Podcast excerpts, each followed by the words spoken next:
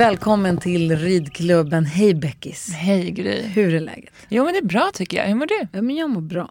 Det här avsnittet eh, gör vi i samarbete med Axevalla hästcentrum. Ja. Jättekul. Vi blev kontaktade av dem. Eh, de håller på att bygga en ny anläggning som de har hållit på liksom projekterat på i, i ma- massa år. Och det är massa, de har massa utbildningar och eh, det verkar hända jättemycket roligt där. Ja, så himla roligt. Och jag då som har en anläggning nu känner ju att jag vill ha massa inspiration och se mig omkring. Och då känner jag ju att jag vill gärna träffa dem. Tänk, Ja. jag kommer kunna lära mig hur mycket som helst. Så deras rektor Niklas Dahlqvist Ja, kommer hit och hänger med oss idag. Ska vi, jag har tusen miljoner frågor till honom. Han verkar också jätte, jätte, jättetrevlig. verkligen. Och han har ju jobbat då på verksamheter innan och har ju eh, tävlat i hoppning och håller på med islandshäst nu. Så han känns ju som att han har en eh, beredd liksom. Ja. Hur går det för dig då? Eh, jo, hur går det för mig? Jo, men det går bra. Jag eh, stöter ju på lite nya utmaningar i mitt jobb. När det var översvämning i, på parkeringen i, på jobbet och lite sånt. Perfekt. Det har ju kommit ganska mycket regn så att säga. Gud vad det har regnat. Ja, så att allt är ju rätt blött och geggigt och man har inte sett solen på väldigt länge. Så man kände ju häromdagen att det, vi är ändå bra tycker jag på i stallet att peppa varandra och försöka hitta ljusglimtar även när det känns lite motigt. Liksom. Eh, men det känns bra, det är roligt. Det, den här veckan har vi lite praktikanter i stallet. Det Jaså? tycker jag också är lite roligt. Eh, jag försöker hela tiden ha ett bra, jag har haft mina första medarbetarsamtal. Eh, så det är mycket sånt och jag tycker det är rätt kul också. Jag vill ju vara en bra chef och jag vill att mina anställda ska må bra. Men då, ja, det, jag kan ju inte. Jag håller på att lära mig samtidigt. Kanske dumt att säga så, men Nej, vadå? Och apropå regnet och geggan, så det är ju för sent egentligen. Man ska ha gjort det för en månad sedan. Men jag håller på att smsa med eh, Hagströ. ja, alltså Kinkbacks etta. Så, vi köpte det förra hösten för att lägga ut i hagen. Ja. Och, så Kommer du ihåg det- att vi gjorde det då, då innan det var för sent? Då Ja. gjorde vi det när det var bra väder. Ja, Ja, det var jättebra. nu, Nu är vi för sena. nu är det som att man ska hälla där i det blöda. Men jag har i alla fall hållit på att försöka beställa Hagströ för att lägga ut lite mer i hagen. Ja, men, Det finns en liten slänt där de liksom halkar lite. Ja, ja, jag håller på med det. bra. Jag skulle också vilja lägga lite hagströ i hagen. Så att det känns som att de i alla fall har en liten torr plats att äta sitt lunch på utomhus. Det hade varit härligt. Verkligen. Ja. Hur går det för dig? Ja, men jag är i chock. Ja, men jag är personligen i chock Oj. över att ja, men, du red häromdagen på salsa. Ja. Och så skulle du iväg och så tog jag över när Ja. du hade ridit fram. Och det var ju kul. Men så låg det bommar på, i ridhuset och så sa du galoppera den över bommarna. ja. Och eh, jag var i chock över att man ändå kan så här, jag har ändå, jag har ändå tävlat i hoppning. Inte på någon hög nivå. Nej. Men jag har ändå varit ganska bekväm på 1,10. ja. Så. Men nu var det alltså, jag var stressad över att galoppera över de här bommarna. Vad fan är det? Jo, Jag bara, jag tänkte, det enda jag tänkte på var, hon kommer trampa på den och så kommer hon snubbla och gå omkull och så kommer vi göra illa oss. ja, och då gjorde hon ju det såklart. Nej, hon trampade aldrig på den men vi kom ju absolut inte rätt en enda gång. men du vet, alltså, Men det är en sån färskvara. Ja, Det är men, som med balansen, man måste träna den hela tiden. Du kan inte träna den en gång och sen sitter den där ledsen Nej. av livet. men det var så jävla sjukt. Man bara galopp, galopp, en lugn och fin galopp. Nu Ja. kommer jag. Jag ska inte titta på bommen, jag ska bara galoppera över dem. Ja. Och så ett litet kort Lite galoppsprång. yxigt. lite yxigt och så och då började hon du vet preja lite och jag bara här, nej, nu hon ska gå rak och så det var, det var så svårt. Ja. Så jag red två gånger och tänkte jag, ska inte förstöra henne nu. Nej men red. gud, det kommer du inte göra. Nu måste du göra det där fler gånger i veckan. Men nu rider du rätt mycket. Ja. Och då tänker jag att du absolut måste stoppa in lite fler bommar Ja. i... Kul. Cavaletti Queen. Jag har en kompis som, jo jag var ju på fest i helgen med Ja. mina gamla stallkompisar. Det. det. var så roligt. Just det. Alltså de här gamla stallkompisarna. Ja, som du hängde med i stallet när du var liten. Liksom. Ja. ja. Det, var alltså, ett, det var ett helt, alltså, mitt gäng som var i min ålder och Ja. sen så de här som var några år äldre som man, jag inte riktigt hängde med för att de var två, tre år äldre bara. Mhm. Kanske två det är så stor skillnad i stallet. Det Ja. var det då i alla fall. Men hon är en sån expert på att hålla kontakt med alla så de var ju där allihopa. Det var så jäkla kul att träffa dem alltså. ja, vad roligt. Man har verkligen vuxit upp tillsammans när man varit i samma stall. Ja. Och då var det en kompis till mig, hon har en kompis som, har, som är jätteduktig tränare i Kalifornien. Mhm. Cavaletti-training, det var därför som jag kom, kom på det nu. Får hon tydligen Cavaletti-träna, folk åker till henne för att Cavaletti-träna. Alltså geni känner jag. Vi måste åka dit. Va? Ja, så gärna. Vi måste- Roger. Vi måste åka på en poddresa. Alltså gärna. Om det blir till Kalifornien då hänger jag på. Vi måste Cavaletti-träna mer. Ja. Och vi måste prata med dem, det känns viktigt. Ja. Kul, det där kanske också är någonting man kan ta med sig. Jag tänker så här till ridskolan, det är inte så många som vill hoppa längre. Är det så? Nej, jag tror att det är många, nej. Jag tror folk är mer och mer medvetna också, vill liksom inte ramla av. Tycker Mm. att det känns lite läskigt. Mm. Och då tänker jag att man kanske ska ha lite mer så här dressyr cavaletti-grupper. Mm. Där det är mer liksom bommar på marken eller som bara är lite, lite upp- upphöjda så att det inte blir hoppning på samma sätt. Ja. För jag tänker att det är rätt ro, liksom, kanske lite lustfyllt för hästarna också. Om det ligger lite bommar i ridhuset. Och det behöver ju inte alltid vara bommar som man ska gå över. Det kan vara att man ska gå in emellan. Så att man använder dem på lite sådana sätt också. Mm. Kul, jag vill gärna ha lite inspiration av henne. Cavaletti-inspiration. Och sen så här ägnade vi lite energi när vi var i Jönköping. Eh, Elmer var ju för inte så länge sedan. Vi har med oss massa intervjuer därifrån som kommer komma sen. Ja. Men vi ägnade lite, lite energi där, eller ganska mycket, åt att slänga ut krokar till höger och vänster på. Jag tror att vi måste börja snegla på en stor häst. Till Nicky. Ja, Ja. vi älskar ju Milan. Ja. Så han måste vara kvar. Men i alla fall, alltså, det är också det där, man kan inte ha, man kan inte ha alla hästar. Nej. Tyvärr. Men kanske börja titta på en stor häst för att få någon sorts transition. Mm. Man kanske kan ha två ett tag tills man inser att det är lite för mycket. Och, och jag tror att hon börjar känna sig lite rädd för att hon ska växa också. Ja. Jag vill inte att hon ska sluta äta för att inte hon ska växa. Nej, såklart. Utan hon, alltså hon är inte för lång för Milan. Jag Nej. tror att hon är lite rädd att hon ska bli tror jag. Ja. Och då är det väl bra att börja titta redan nu i och med att vi har möjlighet till det. Hon är ju 14, Mm. så det händer ju mycket i kroppen nu också. Ja. Så man vill ju inte... Ja, hon är ju 1,70. Hon Ja. brukar säga att hon är 1,72 tror jag. Ja, Jag vet inte riktigt. Ja, hon är lätt. ja. Men hon har i alla fall, så att vi, vi börjar, snegla lite på stor häst. Hon har varit och provridit en som var jätte, jätte, jättefin. Mm. Men eh, man kan inte köpa den första kanske. Nej. Vi hade ingenting att jämföra med. Nej, men man- vad tänker ni då när ni vill ha en stor häst? Vad har ni för kriterier som känns viktiga? Alltså, det finns ju en, en önskelista. Sen Ja. kan man alltid checka, bock, man behöver inte bocka i alla de rutorna. Nej, nej, nej. Men en dröm, Ja, mellan 10 och 12 år. ja, Jag vill att den ska ha kanske hoppat 1,30 och 40. ja. Så att den har varit runt lite och Mm. har hoppat på olika banor så att den är liksom har varit runt lite. Mm. Men så att jag tänker att hon kanske ska rida en 10 och 20 ja. på sikt. Tänker jag. Mm. Och jag vill att den ska vara snäll att lasta. Mm. Den ska vara snäll att lasta ut. Jag vill att hon ska kunna gå med den själv på tävlingsbanan och promenera med den. Mm. Den ska vara en kompis. Mm. Eh, den ska hjälpa henne om hon kommer lite stort eller lite nära så ska den hjälpa henne. Eh, den, ska inte, den får inte stanna, den får hellre riva en bom då. ja. Ehm, men en schysst liksom, en fin, och ridbar, att hon kan rida den. Hon får gärna kunna starta någon lättare klass i dressyr om det är kul. Och, Ja. En ridbar, och en som kan rida ut ensam eller i grupp och inte är rädd för bilar. Nej. Trafiktrygg. Där har du den. Ja. Hitta den när du är snäll. Ja. Och, och, och, och, och jag måste kunna rida på den. ja. Så att den måste vara tantsäker också. Men gärna ha lite motor och lite tryck och lite, lite pigg. Så lite tjong. Hon gillar ju när det är kul, när det är liksom lite tjong i dem. ja, men precis. Så, en sån. Ja. Det borde gå. ja, absolut. Jo, men det gör. Men som du säger också, man får ha sina kriterier så Ja. får man prova den som typ stämmer in på dem och så får man ju ge och ta lite. Helst vallack, inte skimmel, inte röd Wow, det rosett. där är grej. Nu är vi utanför listan känner Inte jag. röd rosett varken fram eller bak och kan gå i grupp. Ja, okay. Jag glömde ja. dem. Ja. Och eh, gosig. ja. Ja. Perfekt. Liten lista. Lycka till. Du då? Jag har köpt ett föl. Va? Ja. Säg. Nej, det har jag inte. Eller jo, det har jag, fast ändå inte. Eh, min nya häst Kaliber, hans ägare Therese. Eh, hon eh, ville så himla, vi ville köpa en till häst.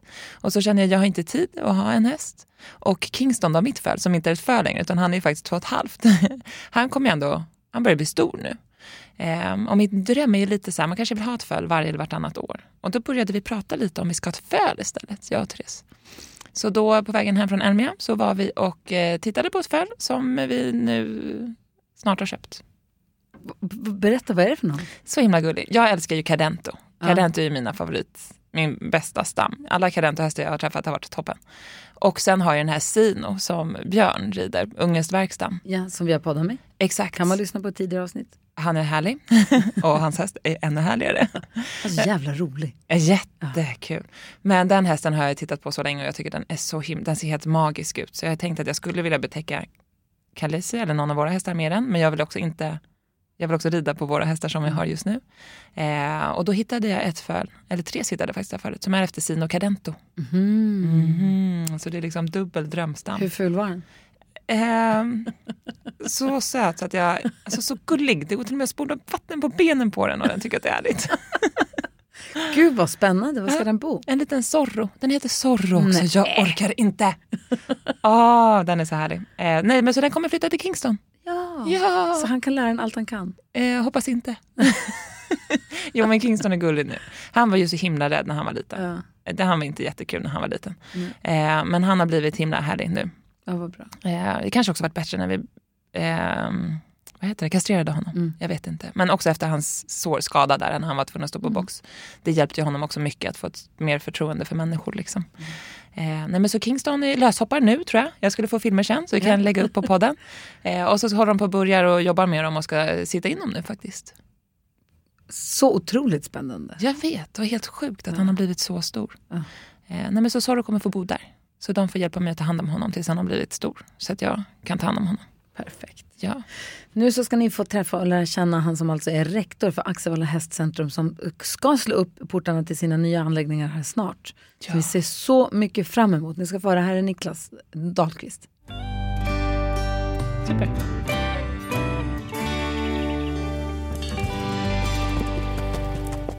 Nu har vi slagit oss ner här med en kopp kaffe ihop med eh, rektorn för Axevalla hästcentrum, Niklas Dahlqvist. Välkommen hit! Tusen tack. Hur är läget? Men det är bra. Bra. Så där från tidig morgon med hästfodring och in till storstan. Det känns fantastiskt. ja. Välkommen hit. Och en rektor för Hästcentrum. Vad har du för... Berätta om din häst, häst bara så att vi får sätta dig liksom på hästkartan. Ja, men eh, som sagt var, jag är ju, just nu är jag ju rektor för Axevalla hästcentrum. Eh, och eh, jag har ju jobbat med häst hela mitt liv och är utbildad med häst. Så att det startade någonstans på ridskola. Eh, och från det så börjar jag eh, ja, undervisa, jobba på ridskolan hemma. I, kommer från Borås, så det är Borås fältridklubb. Därifrån så är jag utbildad hippolog och eh, tränare, hopptränare. Eh, men någonstans eh, under resans gång så börjar man fundera på vad ska jag göra? Jag har jobbat som verksamhetschef på stora ridklubbar och sådär. Eh, och utbildning har alltid varit väldigt eh, varmt för mig. Eh, och ja, som sagt var, nu hamnar jag på utbildning på ett annat sätt. Eh, och från ridsport så har jag gått över till islandshästsport för sex år sedan, när kroppen inte riktigt höll längre. Jaha, Eh, wow. Vad var det som pajade då? Eller vad Axl- var det som... Axlarna, Jaha. jajamän. Så att de, de vill inte riktigt vara med längre. Så det är lite kortisonsprutor och sånt där. Och då får man fundera på, vad gör jag? Hur För att jag min- vägrar att sluta med häst. Ja. eh, så att eh, det är ju resans gång som har eh, gjort att jag har landat där jag är. Ja, Okej.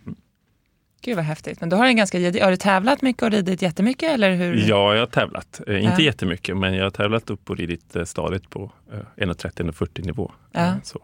C-tränare i hoppning och ja, sådär. Och hur är det då att växla över till, nu ska inte, det är inte därför vi ska, du är här, men hur är det att växla över till islandshäst då?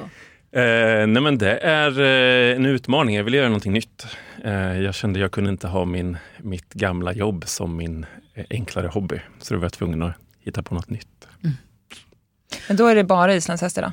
Bara islandshästar. Inga hoppträningar eller Inget sånt, nej. hopphästar eller något Nej. sånt? Och ni har ju på Axevalla också islandshäst, Ja, alltså islandslinjen. Berätta. precis. Vi har ju tre utgångar kallar vi det för. Eh, vi har ju både ridsport som är den stora, sen har vi travsport och islandshästsport. Så vi har ju alla tre under samma tak. Och vad är det för utbildningar ni har? Det är ju naturbruksprogrammet som är ja, men det alla på hästgymnasium läser. Det är ju eh, naturbruksprogrammet med inriktning hästhållning. Eh, och eh, hos oss då kan man välja tre olika utgångar med, mot den sporten man är intresserad.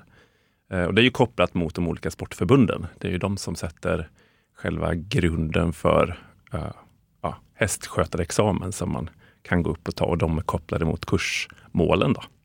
Bara så jag hänger med, men ni har gymnasiet gymnasieutbildning men också yrkesutbildning för vuxna? Ja, precis. Vi har både vuxenutbildning och yrkeshögskola. Så Yrkes- Nicky, min dotter som går ut åttan snart, när hon, om hon går gymnasiet och säger kan jag gå en utbildning samtidigt? Och kan, kan jag Eh, haka på henne? Absolut, du kan bli, hovs- du kan bli hovslagare. Jättebra, vi behöver en hovslagare. Jag får ont i ryggen. Men jag kan bli något annat. Jag kan göra sopa. det hade ju varit perfekt ju. Jättebra. Jag kan gå skolan hon kommer aldrig slippa sin mamma. Hon bara försöker bryta sig loss. Du bara, jag hänger på. Jag hakar. Vad är det för eh, yrkesutbildningar man kan gå och se? Eh, det är ju eh, hovslagare som är en Ja. treårig och sen så har vi en som heter verksamhetsledare inom hästrelaterade hästnäringar. Ja, Eh, typ något för mig. Ja, Ja. ja. verkligen, verkligen. Den är ju eh, företagande kan man säga. Ja. Eh, så att man blir mer skarp på det med allt från lagar och krav och ekonomi och affärsplan och så. Och är allting på plats eller kan man läsa vissa kurser på distans hos er? Eller? Gymnasiet är ju på plats, det är ju alltid på plats. Ja. Men de andra är ju eh, ja, från semidistans till mer på plats som hovslagarna till exempel. Vad Ja. finns det för utmaningar med att få liksom ett företagarperspektiv på någonting som är så hobbydrivet? Förstår du vad jag menar? Ja, nej, men det, det är ju det är väl det som man ser inom hästnäringen, tänker jag, i stort. Att, att man behöver bli mera företagande. Alltså ha mer skärpa på sin affärsplan och affär- affärsidé och eh, ja, allt från marknadsföring till ja, hela, hela biten. Liksom. Eh, mycket lagar och regler som man har att förhålla sig till. Kanske känns Ja. igen. Bara så här, anställda är ju Ja. ett helt företag. Liksom. Ja. Och allt vad som kommer med dem. Mm. Eh, Så där känner jag också att man skulle ju, man känner sig lite ensam, tänker jag ibland. Att man kanske inte vet heller vad jag har för rättigheter och vad jag kan få information ifrån. Och då tänker jag att en sån utbildning låter ju jättebra. Att man får lite mer kött på benen liksom och känner sig trygg i sin roll. Eh, jag. Absolut, nätverk är ju någonting som, som är viktigt att hitta, tänker jag. när Ja. man jobbar som hästföretagare. Och det hinner man väl inte så mycket med? För man har ju alla de här hästarna. Ja, fast det ger ju väldigt mycket tillbaka. Så det är nog någonting som jag tänker framtiden borde hjälpa till med. Ja. Kurser är ju väldigt roligt. Ja, men jag tänker så här, det är också en prioriteringsfråga såklart. Men jag tog ju också över min verksamhet här nu efter sommaren. Så det är väldigt nytt. Och i början, ni vet ju hur det är med nya saker, man vill ju göra allt på en gång. så jag har ju också fått liksom strukturera lite och tänka, okej, men vad, är vad måste jag göra nu, nu, nu? Och vad har jag liksom som för dröm, kanske fem år framåt? Liksom. Eh, men där är ju svårt att hejda sig själv, man vill ju gärna göra allt liksom, på en gång. Eh, Men Axevalla hästcentrum, jag var inne och tittade på hemsidan. För, och då, än så länge så är det fortfarande mest ritningar över. För som jag förstått det så bygger ni en fantastisk anläggning. Som apropå att ta tid, för det här är något som har planerats under en lång tid. Kan du berätta om det? Ja, som sagt var, eh, Axevalla hästcentrum är en del av naturbruksförvaltningen i, i regionen. Så vi är regionägda, så vi är en sån här stor koloss i, i, våran del av landet. Eh, jag har varit på en hästklinik en gång. Precis, det finns en, en klinik som ligger i Ja. Axevalla där. Precis, absolut. Och det är samma område som ni bygger ja, nya. jajamän, Ja, precis. ja. Men apropå att låta det ta tid. Anläggningen som ni håller på att ta fram, håller på att färdigställa nu. Det här är något som har planerats under många, många, många år. Kan du berätta om anläggningen? För det ser ut som att det kommer bli helt otroligt. Ja, men vi, anläggningen som vi bygger är ju eh, en tanke att få ett eh, stort hästcentrum i, i eh, Västra Götalandsregionen för att eh, öka kvaliteten och kunskapen kring, kring häst i området. Så att, eh, det som vi har fått som det stora uppdraget för många år sedan. Då. Eh, någonstans landade detta in runt 14-15 som första tanke att det skulle bli ett hästcentrum. Och nu är vi 23 och det kommer vara färdigt 24. Men är det statligt ägda eller hur, vem är det som har Regionägda. Så det är regionen som Jajamän, har- Jajamän. gett er det här projektet? Ja, precis. Och uppdraget är ju att eh, men skapa någonting som inte finns. Och det är ju inte det lätta. Eh, eh, och utmana eh, och utveckla hästnäringen för vi ska vara en drivande eh, motor i ja, allt från arbetsmiljö till teknikutveckling. Då, som, som förvaltning så har vi inte bara utbildningsuppdrag utan vi har också en, en del som vi kallar för kompetenscentrum som har med forskning och utveckling att göra. Eh, och då kopplas det just mot hästnäringen där, där jag jobbar. Eh, så. För mig är Axevalla? Det finns en travbana som heter Axevalla. Och så finns det en klinik. Och sen så hästcentret. Men är Axevalla en fysisk plats? Ja, det är en Axvall är en liten ort där travbanan ligger. Aha. Eh, och travbanan har funnits där sedan 50-talet. Eh, och vi har haft en del av vår utbildning på Axvall, eller Axevalla eh, under lång tid, våran travdel. Eh, men sen eh, från 2015 så kom det politiska beslut att vi skulle centrera häst på Axvalla. All vår häst. Vi hade flera gymnasier som hade häst innan. Eh, så att, eh, och, och det var ju för att vi skulle öka kvaliteten, öka måluppfyllelse och så vidare. Eh, och Och det är nära Skara. ja, det, Är, det är en fem minuter från Skara. Jajamän. Bara så att jag lägger för Precis. geografin på det. Ja, Mellan. Skara och Skövde. Ja. Så att det är mi- mitt på, mitt på slätten. Ja. Jag har en kompis som kom från Berg. Ligger det nära? Eh, ja, Ja. absolut. Absolut. Jag bara kollar. Ja, exakt. Och när ni bygger, när ni tar fram anläggningen, vad är det som kommer Du sa att ni ska, fick i uppdrag att ta fram något som inte finns. Ja, precis. Och då, det, det, om vi liksom tar, vad, hur ska vi göra då? Eh, vad, vad var frågeställningarna? Och eh, framförallt så behövde djupdyka och liksom ha något att hålla i. Eh, och eh, då tog vi hjälp och lutade oss ganska mycket mot Hästnäringens yrkesnämnd, HYN, som, som vi eh, ja, helt enkelt är en aktiva och del, ta del av alltihopa. De hade gjort såna här ungdomsundersökningar, ungdomsbarometer och eh, ut, ja, helt enkelt tagit reda på vad ungdomar vill och hur framtiden ser ut. Kul, vad sa ungdomarna? Ja, men att de är jättemåna om att arbetsmiljön måste utvecklas för att de ska vara villiga att kliva in i hästbranschen. Eh, eh, så att de vill inte göra det som vi alltid har gjort. Utan de vill ju att vi ska eh, ha, ha möjlighet att kunna jobba i hästnäringen hela sitt liv, inte bara en del av. Utan att Och då tänker kunna- de kanske arbetsvillkor? arbetsvillkor som, men också arbetsmiljö. Ja. Eh, att det är tungt och Ja. slitigt och så. Eh, Så den delen greppar vi genom att tänka hur kan vi putta in ny teknik och hur kan vi utveckla eh, de bitarna. Eh, Och, och ha, ja, men försöka ha fokus på det när man bygger. Ett poddtips från Podplay. I podden Något Kaiko garanterar östgötarna Brutti och jag, Davva, dig en stor dos skratt.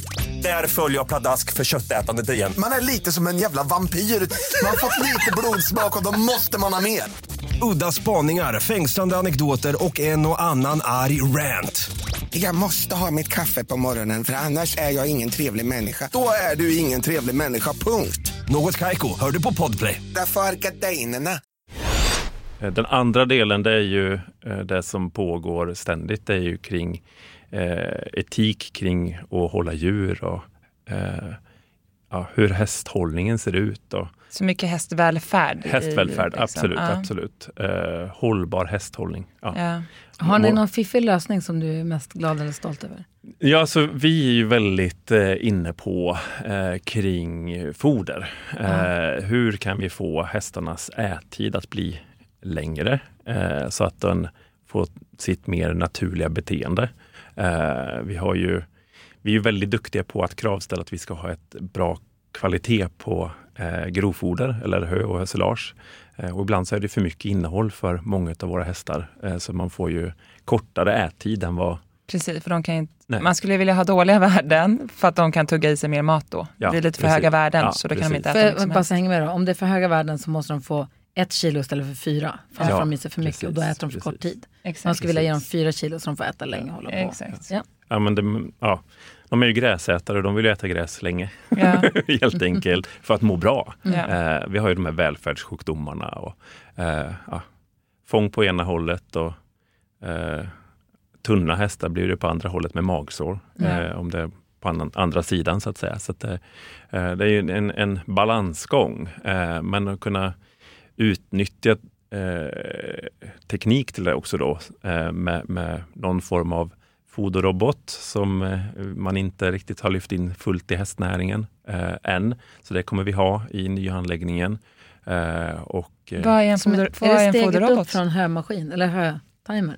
Ja, eh, precis. Alltså, då får man ju fysiskt göra det själv. Nu är det ju robot som finns i lantbruket. Det är inte så att det inte finns, men det har inte riktigt tagit steget in i hästnäringen. Så det, det, vi gör det är ju att vi, dels har vi ju lösdrifts eh, eh, ja, grupper så att Ja. säga och ganska små grupper. För vi har liksom tagit hjälp av alla experter i, i Sverige som, som finns i det här och eh, tittat på andra anläggningar, hur de tänker kring hur många hästar är bra och hur stora ytor. Och, ja. Eh, Så att vi har liksom försökt koka ner det till något klokt utefter både vad som finns forskningsmässigt men också erfarenhetsmässigt så att Ja. liksom vi får en, en, en bra, bra balans på det. Eh, och då, då är de i smågrupper eh, på lösdrifterna mellan, med 6 till 8 hästar i varje. Eh, där det, det är inget active stable-variant som är, liksom är vedertaget utan det här är ju att man vill ha en homogen grupp som äter ungefär samma mängd. Ja. Eh, och tanken är ju då att de ska kunna få en foderblandning som passar just den här eh, gruppen av häst eh, så att de får en längre ättid. Och vad är en foderblandning? Det är ju olika sorters hörselage. Ja. Eh, Så det blir, vi kommer ha ett foderkök. eh, Där det är olika grovfoderfraktioner som blandas utefter vad gruppen behöver. Ja, okay. Och Så då har kommer ni in- ponnysar på, i en lösdrift så vill de kanske äta ett grovfoder. Och har ni stora tävlingshästar Precis. på den andra så vill Ja. de kanske ha lite mer. Precis. Och Okej. som sagt, vi var ju från islandshäst till travhäst och de Ja. har ju väldigt olika Ja. energi och proteinbehov. Så att det är ju eh, det, det ser olika ut. Och jag. hur får ni tag på fodret? Ja, där är ju den Det är stora inte helt frågan. lätt. Nej, det är, inte, det är inte helt lätt. Eh, nu har ju vi förspänt att vi har ju eh, två skolor som producerar foder. Eh, Så ni som slår är- er, ert eget? Precis, liksom. vi ska Okej. vara självförsörjande inom förvaltningen och det är ju Ja. väldigt bra liksom för våran del. Eh, det vi behöver utveckla det är ju att vi hittar grovfoder som just kompar det som är hästarnas behov. Och Ja. där tror jag vi som hästnäring kan sätta lite fokus på att vi vill ha god kvalitet och rätt innehåll, inte bara mycket innehåll som det gärna blir. Eh, för det är inte hundra bra för häst. Eh, utan att vi också kravställer vad är det för innehåll så att hästarna faktiskt kan må bra. Ja. Eh, så. Men om ni har massa, eller ett flertal i alla fall, grupper med lösdrifter på 6-8 hästar, tre utbildningslinjer, de här, och med massa andra skolor, men också en, att ni tar egen mat. Hur stor mark pratar vi om? Ja, markarealen i totalen, den kan inte jag. Jag, jag vet att vi bygger hästanläggningen på sju hektar. Men jag vet inte hur, Nej. hur stora arealerna är våra För det lantbruksskolor. låter Eller, enormt, eller? Ja, hur många hästar är det på anläggningen? eh, vi kommer ha plats för strax under 100 hästar. Eh, och då är det ungefär 65 skolhästar utav dem som liksom är ja, men läromedlen. Som vi Mm. Men får ni plats då med lösdrifter och alltihopa på de här sju hektaren? Jajamän. Och det, vi räknar ju det som en träningsanläggning. Eh, så att vi har ju beten eh, och sånt- Utanför det. Ja, utanför det. Ja, det är exakt samma som vi, typ. Ja. Mm. Det känns orimligt. Komma på studiebesök. Verkligen, jag vart ännu mer inspirerad. Men som sagt var, ritandet av det här har ju eh, pågått ganska mycket och vi har vänt och vritt. Liksom. Ja. Men har, ni något som ni, har ni en byggnad ni måste utgå ifrån? Eller är det liksom en sju hektar platt mark? Ni får Sju bygga vad ni vill. platt mark. Ja. Eh, Själva ytan och formen är ju det som vi har fått utgå ifrån. Men, Vart det är berg och vart det inte är berg. Typ. ja, pre- Ja. ja, det, nu är det ju platt. Så att, Ja, Okej, eh, det är inte ens berg. Nej. Herregud vad härligt. men, men det vi utgår ifrån det är just det här foderköket. Det är liksom det som är hjärtat i, i det för att kunna eh, ja, få det att- en, en bättre arbetsmiljö och enklare och bättre foderhantering. Liksom. Så att det, det är det som vi utgår ifrån. Ja. Det låter ju skitkul. Det låter som att det är världens roligaste jobb. Vad är det roligaste med ditt jobb? Nej, men det är ju att tänka framåt. Ja. Eh, jätte, jättekul. Eh, självklart är utbildningen superkul att jobba med. Eh, men när man har jobbat i, inom hästsektorn och får tänka eh, framtid eh, och försöka utmana. Eh, och vi har fått mycket frågor och funderingar på eh, hur, hur det kommer bli eller kommer det här att funka? Och, och någonstans måste man ju tro på att utveckling kommer funka. Ja. Eh, så. Sen bygger ju inte vi hela sanningen, utan vi kommer ju bygga ut efter det vi har fått till oss. Och som Exakt. sagt var, under de här åren från när jag klev på för, för sju år sedan ungefär, så har ju det skett mycket under tiden. Ja. Men vi får också mycket glada tillrop från, från stora andra aktörer och anläggningar att det, det är kul att det händer någonting som Men vad roligt. kommer Tänk, fram. ja, tänker ni också att ni kommer dela med er sen av det ni lär oss? Det är vårt uppdrag. Ja, okej. Ja, så det är det- också jättebra. För ibland kan jag uppleva att hästbranschen är lite hemlighetsfull. Typ att man inte riktigt delar med sig alltid. Och det kan jag sakna ibland. För jag tänkte också nu när jag skulle ta över verksamheten att jag bara, jag vill åka på studiebesök och se vad andra gör. För jag, jag har ju varit i samma stall i hela mitt liv. Så det är ju liksom mitt facit. Eh, men det, är, det är inte helt lätt. Att, Nej, men det kan jag tänka Men mig. är det att folk vill hålla det hemligt eller är det att man bara inte, det inte bara finns något forum, som du pratar om nätverkandet, att det inte finns något forum att mötas och dela med sig? ja, men kanske, jag vet inte. Jag har bara märkt att det inte är helt lätt att... För du går den här kursen nu med massa andra hästmänniskor. Ja. Då där delar man med sig där då? Jo, men ganska bra Ja. skulle jag säga. Eh, men jag tänker också att det är bra om det finns någon som er. Då kan jag åka till er sen och så, se, så Absolut. får ni vara mitt nya facit. Och som sagt var, det, det är ju det, vi är ju inte ett facit utan vi är ju en, en, en tanke utifrån våra förutsättningar och våra behov. Eh, sen är det ju bra att kunna få idéer och tankar. Och, Och ni kommer ju lära er jättemycket av vad ni gör och vad ni Absolut. ser sen. Att så här, Ja. Okej, det här vart ju faktiskt exakt som vi hade tänkt oss jättebra. Det där vart inte alls som vi hade tänkt oss. För det, vi jobbar ju också med djur. Det Ja. går ju inte, man vet ju inte. Nej. För de reagerar ju olika och trivs olika. Och, och så, är det, också. Absolut. Och du sa förut också att de yngre de ser jättemycket till arbetsmiljön. Att det Ja. är det som är viktigt för dem. Ja. Hur har ni jobbat där då? Eh, nej men det är just det att eh, vi tänker ju att med, med, med mycket mer teknik och mer maskinell hjälp, både i stort och smått. Det är ju enkelt när man bygger en ny anläggning och tänker att man liksom gör Traktorn ska komma in i Ja. stallet och så vidare. Precis, men att man även tänker på, på i, i det mindre. Liksom. Och där är det ju eh, kanske svårare eh, att hitta smarta lösningar, men det är ju någonting som hela branschen också behöver. Eh, nu är ju vi en del av att eh, eh, ja, men, kunna eh, utveckla vidare sen. Vi har ju det här eh, utveckling och, och forskningsdelen som liksom ligger kvar. Eh, så att även fast vi har en kvar, klart en anläggning så kommer vi fortsätta jobba med de här bitarna för att det är viktigt. Liksom. Och kopplat då till våra elever så är det ju de som blir ambassadörer ut i, i hästnäringen sen och vet att man kan göra på ett annat sätt. Det är ju det som vi ser som den stora vinningen för, för branschen. Ja, såklart. Att det blir, ja men precis, de blir Ringa ju på era, vattnet. exakt, Mm. de blir ju era, vad ska man säga, att de förmedlar eran tanke vidare Ja. senare och den kunskapen som man Ja. får när man bygger ett nytt stall. Vad, hur, eh, bygger ni boxar också? Kommer ni dela upp så att Ja. några bor på box och några Eh, bor på precis. lösdrift? eller? Eh, vad ska vi säga? 65 hästar ungefär i lösdrift i, i åtta olika eh, grupper. Då. Ja. Eh, och sen så har vi ett vanligt traditionellt stall. Eller inte så traditionellt, men traditionellt stall med boxar med Ja. 32 platser. Och det är ju för att vi har ju också elevhästar som, som kommer och går lite grann och då måste vi kunna, det går inte att släppa ihop i grupper och Hur det ska ju vara helst. liksom tryggt Nej. och säkert för hästarna. Men där finns det ju eh, vedertaget, alltså automatisk utgödsling. Det är ju ingenting som är nytt, men det funkar ju väldigt bra och är eh, arbetsbesparande. När man har ett Eh, rullband under någonstans som man precis, öppnar en lucka i boxen. Liksom. Precis, Ja. precis. Eh, Men där kommer även den här foderroboten gå in och fodra utanför. Eh, Vi kommer öppna ätfronter så de kommer äta ifrån från gången. Vi har ett Grandridsskolans... Vadå, som typ ett kostall? Ja, precis. Wow. Ja.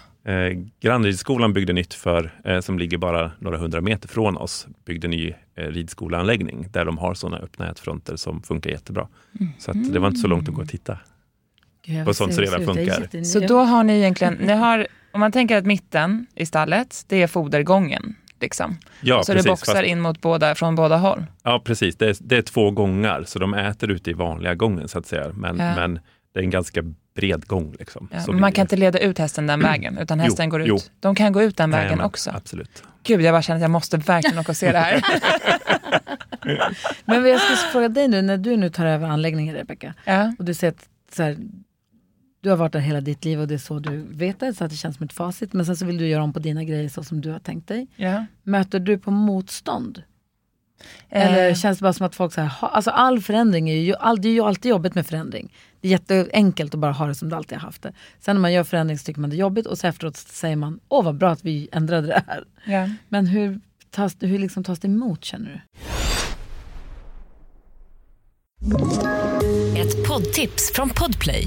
I fallen jag aldrig glömmer djupdyker Hasse Aro i arbetet bakom några av Sveriges mest uppseendeväckande brottsutredningar. Går vi in med hemlig telefonavlyssning och, och då upplever vi att vi får en total förändring av hans beteende. Vad är det som händer nu? Vem är det som läcker? Och så säger han att jag är kriminell, jag har varit kriminell i hela mitt liv men att mörda ett barn, där går min gräns. Nya säsongen av Fallen jag aldrig glömmer på Podplay. Ja, men det är lite blandat. Jag började också med foder. Det kände jag, så här, dels är vi ett jättestort stall, vi är nästan 80 hästar.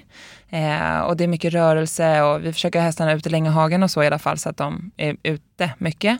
Men jag kände också att de behöver tugga mer för att jag, det blir ju lätt en liksom stressig miljö när det är så mycket hästar och folk. Mm, ja. Så då har jag lagt till, för vi hade fyra fodringar förut, men nu har jag lagt till en femte så att de får mat fem gånger om dagen. Det hade också lite med så här, ridskoleponnysarna, de fick lunch och sen började de jobba och sen fick de middag efter sitt jobb. Och jag ville att de skulle få mat innan de började sin arbetsdag. Eh, och det var väl lite så här, det är också svårt när man har så fasta rutiner. Klockan 7.00 så får de hö och klockan 12 och så. När man ska ändra på det, det är ju lite svårt för vissa. Men det var inget, jag hade ju också ett gott skäl till varför jag ville göra som jag gjorde. Och då tror jag också att det lättare. det. Det var också en, en klok människa sa till mig, så länge du kan säga varför du gör något och att det inte är på grund av dina känslor, så är det oftast lugnt. Liksom. Ehm, och det här var ju verkligen för hästarnas skull och för att de ska ha det Ja, bra. precis, precis. Eh, Men sen det är ju svårt, ja, det är ju en anläggning som byggde- byggdes på 80-talet så det går inte att göra dem hur som helst. Men vi har också så galler mellan hästarna så det blir ju väldigt öppet hela stallgången. Och jag kände att vissa hästar trivs ju inte när det står någon och hänger över gallret när de ska äta mat. Så där har jag också försökt att skärma av lite vid krubborna så att de får lite liksom lugn och ro i alla fall där de får sin mat. Eh, Så lite sådana saker har jag försökt att ändra på som också är enkelt. Det är inga stora eh, saker man behöver göra på en gång. Men sen är det den här leran. Så vad har ni gjort mot leran? Nej, men det är ju fördelaktigt när man bygger en helt ny anläggning, så det kommer ju vara eh, bra underlag hela vägen på hela ytan. Men är då har ni slätt, vet du, grus. de är Har ni inte- asfalterat är sju hektar? Nej, nej, absolut inte. Framförallt så har vi ju väldigt mycket eh, matjord som vi har liksom fått lyfta bort. Så att, Ja. Sen är det ju det är dränerat och eh, grusat hela vägen. Eh, och eh, med tanke på att Och landskapet är väl platt också? Ja, relativt platt. Ja. Det var mer kuperat än vad vi Ja. trodde. Men, Ja, men, okej. men det, det, just det där att eh, kunna hitta bra avrinning och kunna leda bort vatten. Eh, just leda bort vatten från där hästarna är är ju väsentligt. Eh, och som sagt var, eh, vi är ju en del av en stor koloss eh, som eh, också har ett eget fastighetsbolag. Så det är de som har hjälpt oss att eh, ta fram alltihopa. Så vi har ju fått vara de där hästexperterna bara. Eh, Och de så- är proffs på mark och Ja, liksom de kan ju, det är ju, grus det är och ju, sånt. det är, det är ju allt. Ja. Hela byggnationsprocessen. Liksom. Det är det, Eh. jag ska ju liksom vara den där markexperten, jag ska veta vilket grus jag ska köpa. Jo, det, det känns igen sen innan man har jobbat som verksamhetschef. Liksom. Det ju. Men du som har jobbat då som du säger i ridskola och i den verksamheten i många, många år och sen så gör du det här nu. Med din erfarenhet, vad tycker du att alla anläggningar och ridskolor borde införa nu? Nej, men jag tänker så här, det, det är inte så mycket till, alltså, direkt på, utan det är hur tänker vi framåt med, med arbetsmiljön och med eh, det andra som ungdomarna vill liksom ha med, det är trygga anställningar. Eh, det är väldigt liksom eh, sånt som man inte tror att ungdomar tänker på, men arbetsmiljö för att kunna hålla över tid eh, och trygga anställningar. Det är ju fantastiskt. Så det här är någonting som hela branschen behöver liksom greppa och eh, förstå. För ja, ni hör ju ut på nyheter och allting att det kommer vara ont om arbetskraft i, överallt. Ja. Eh, Och steppar inte vi upp på det här så kommer vi inte ha några som vill jobba med det här. Kanske ha det som hobby men inte jobba med det. Då måste Nej. vi hjälpas åt, hela näringen. Och det är också svårt idag att få tag på eh, utbildad stallpersonal. Alltså både som utbildad kanske som hästskötare eller sådana. Ja. Men också ridlärare som är utbildade. Det är, jätte, Det är jättesvårt. Ja. det är jättesvårt. Absolut. Vi ligger verkligen flera steg efter. Mm. Eh, Men där är också en utmaning, jag nu som då har personal, eh, med det ekonomiska. För det, har ju, det är väldigt dyrt att hålla häst idag. Ja. Och framförallt i Stockholm där jag har min anläggning. Ehm, och samtidigt så är det otroligt viktigt med person- där är också, Jag har ju ändå jobbat på radio i så många år. Och här, då, där är man ju lite mer framme i liksom pers- personalpolitik och hur man tar hand om sina anställda. Och det finns ju en mer utvecklad liksom, linje hur man ska arbeta med sin personal. Än i, i hästvärlden, då är det lite mer så här, här kom och mocka, typ. Gör som vi alltid har gjort. Ja men exakt, ja, men det blir lite så. Så det tycker jag också är kul. Att så här, jag vill ju bli team med min personal och hur vi samarbetar så att vi når samma mål. Det känns ju viktigt att de är med mig i mitt företag och vet vad som krävs för att det ska må bra. För mår mitt företag bra, då mår ju anställda bra. Alltså så här, då Jag, kan man jag ge tillbaka. tycker jag liksom. låter jättebra. Men det är inte en det- ekvation är som många- är helt lätt. Liksom. Nej men så är det ju. Sen är det så, jag tror att hästnäringen eller hästbranschen inte alltid tar betalt för vad det faktiskt kostar. Nej. Eh, och eh, ja, man kanske kan tappa kunder på om man tar mer betalt. Men man måste ta betalt för det det kostar så man inte Alltså företaget eller företagandet eller verksamheten går back på att driva verksamheten. Nej. Det är ju bakvänt. Jag vet, och där är också lite sorgligt. Jag och Gry vi har ju ett stipendium som vi delar ut varje år.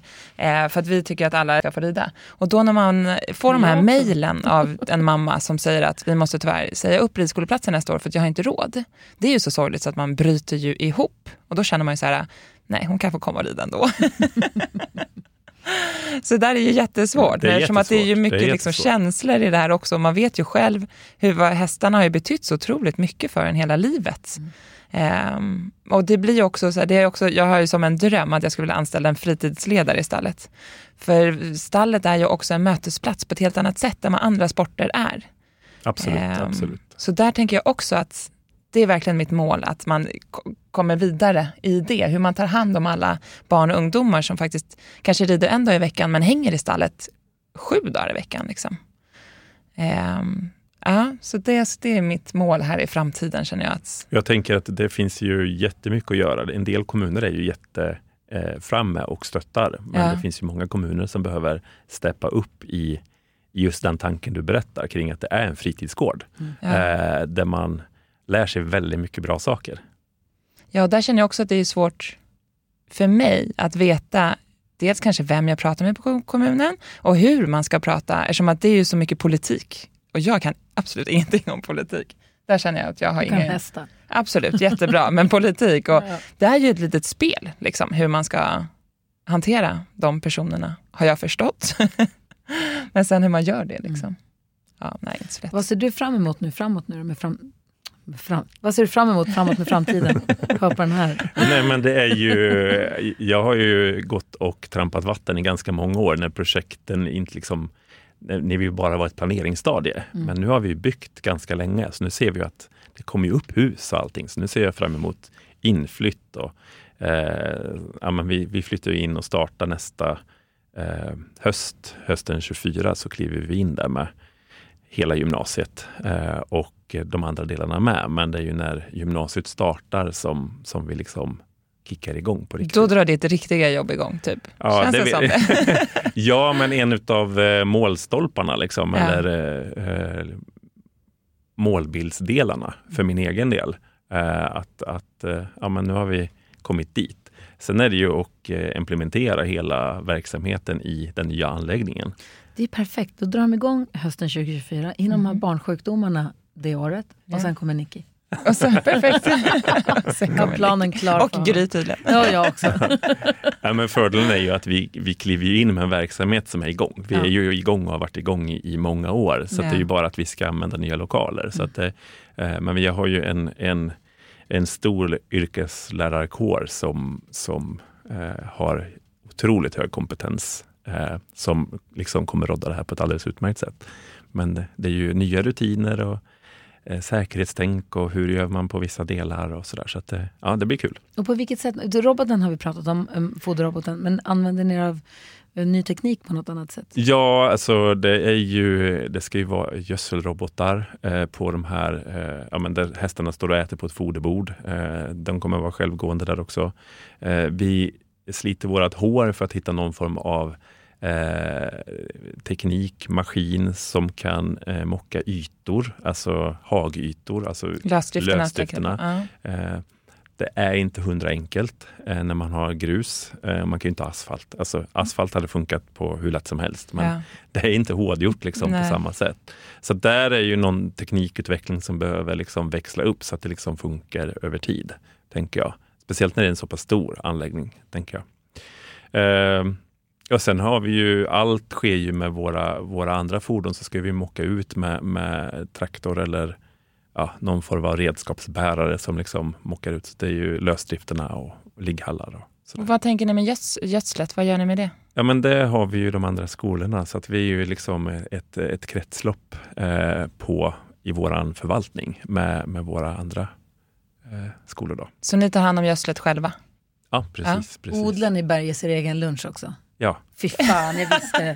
Eller inte, inte vi, men de andra skolorna. Vi har ju Ja. två skolor som, som har lantbruk och det är ju eh, Uddetorp och Sötåsen som, som har sina delar så att säga.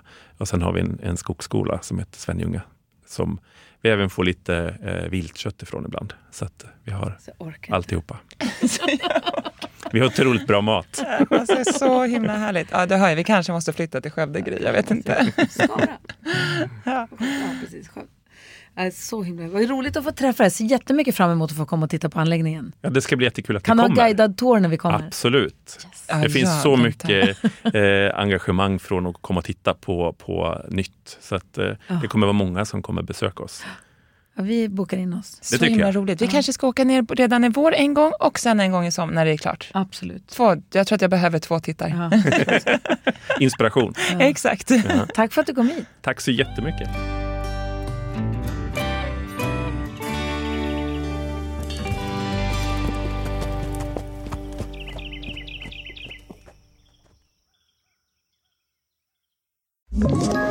Ett poddtips från Podplay. I fallen jag aldrig glömmer djupdyker Hasse Aro i arbetet bakom några av Sveriges mest uppseendeväckande brottsutredningar. Går vi in med hemlig telefonavlyssning och, och då upplever vi att vi får en total förändring av hans beteende. Vad är det som händer nu? Vem är det som läcker? Och så säger han att jag är kriminell, jag har varit kriminell i hela mitt liv men att mörda ett barn, där går min gräns. Nya säsongen av Fallen jag aldrig glömmer på Podplay.